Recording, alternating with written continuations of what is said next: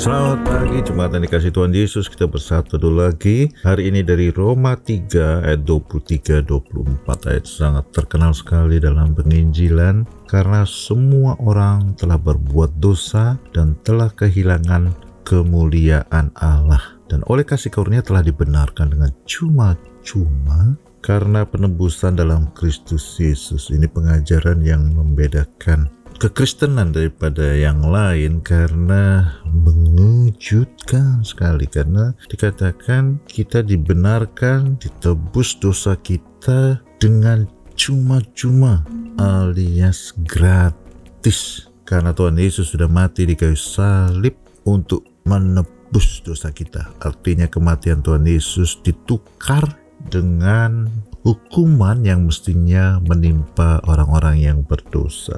Bukan berdasarkan perbuatan baik kita yang kita kumpulkan selama kita hidup tetapi karena iman kita karena kita percaya kepada Tuhan Yesus.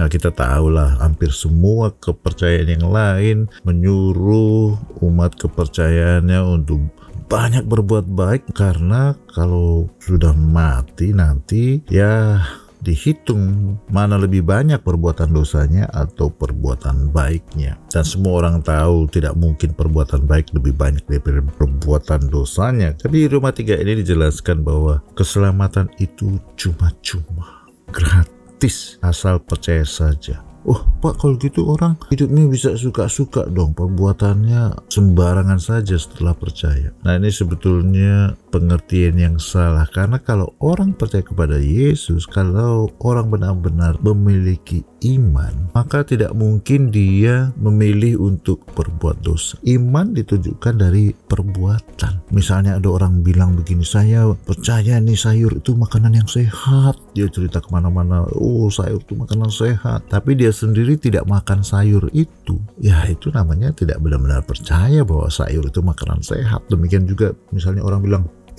tidak boleh ya. Makan seafood banyak-banyak itu bisa bikin asam urat loh. Hati-hati hati-hati. Tapi dia sendiri diam-diam makan makan banyak apa namanya kepiting udang dan seterusnya. Itu berarti dia bohong. Kalau orang percaya sesuatu pasti dengan sendirinya dia akan juga berbuat seperti apa yang dia percaya haleluya. Hari ini kita jalani hidup ini sesuai dengan apa yang kita yakini karena iman kita akan kelihatan dari perbuatan kita. Amin.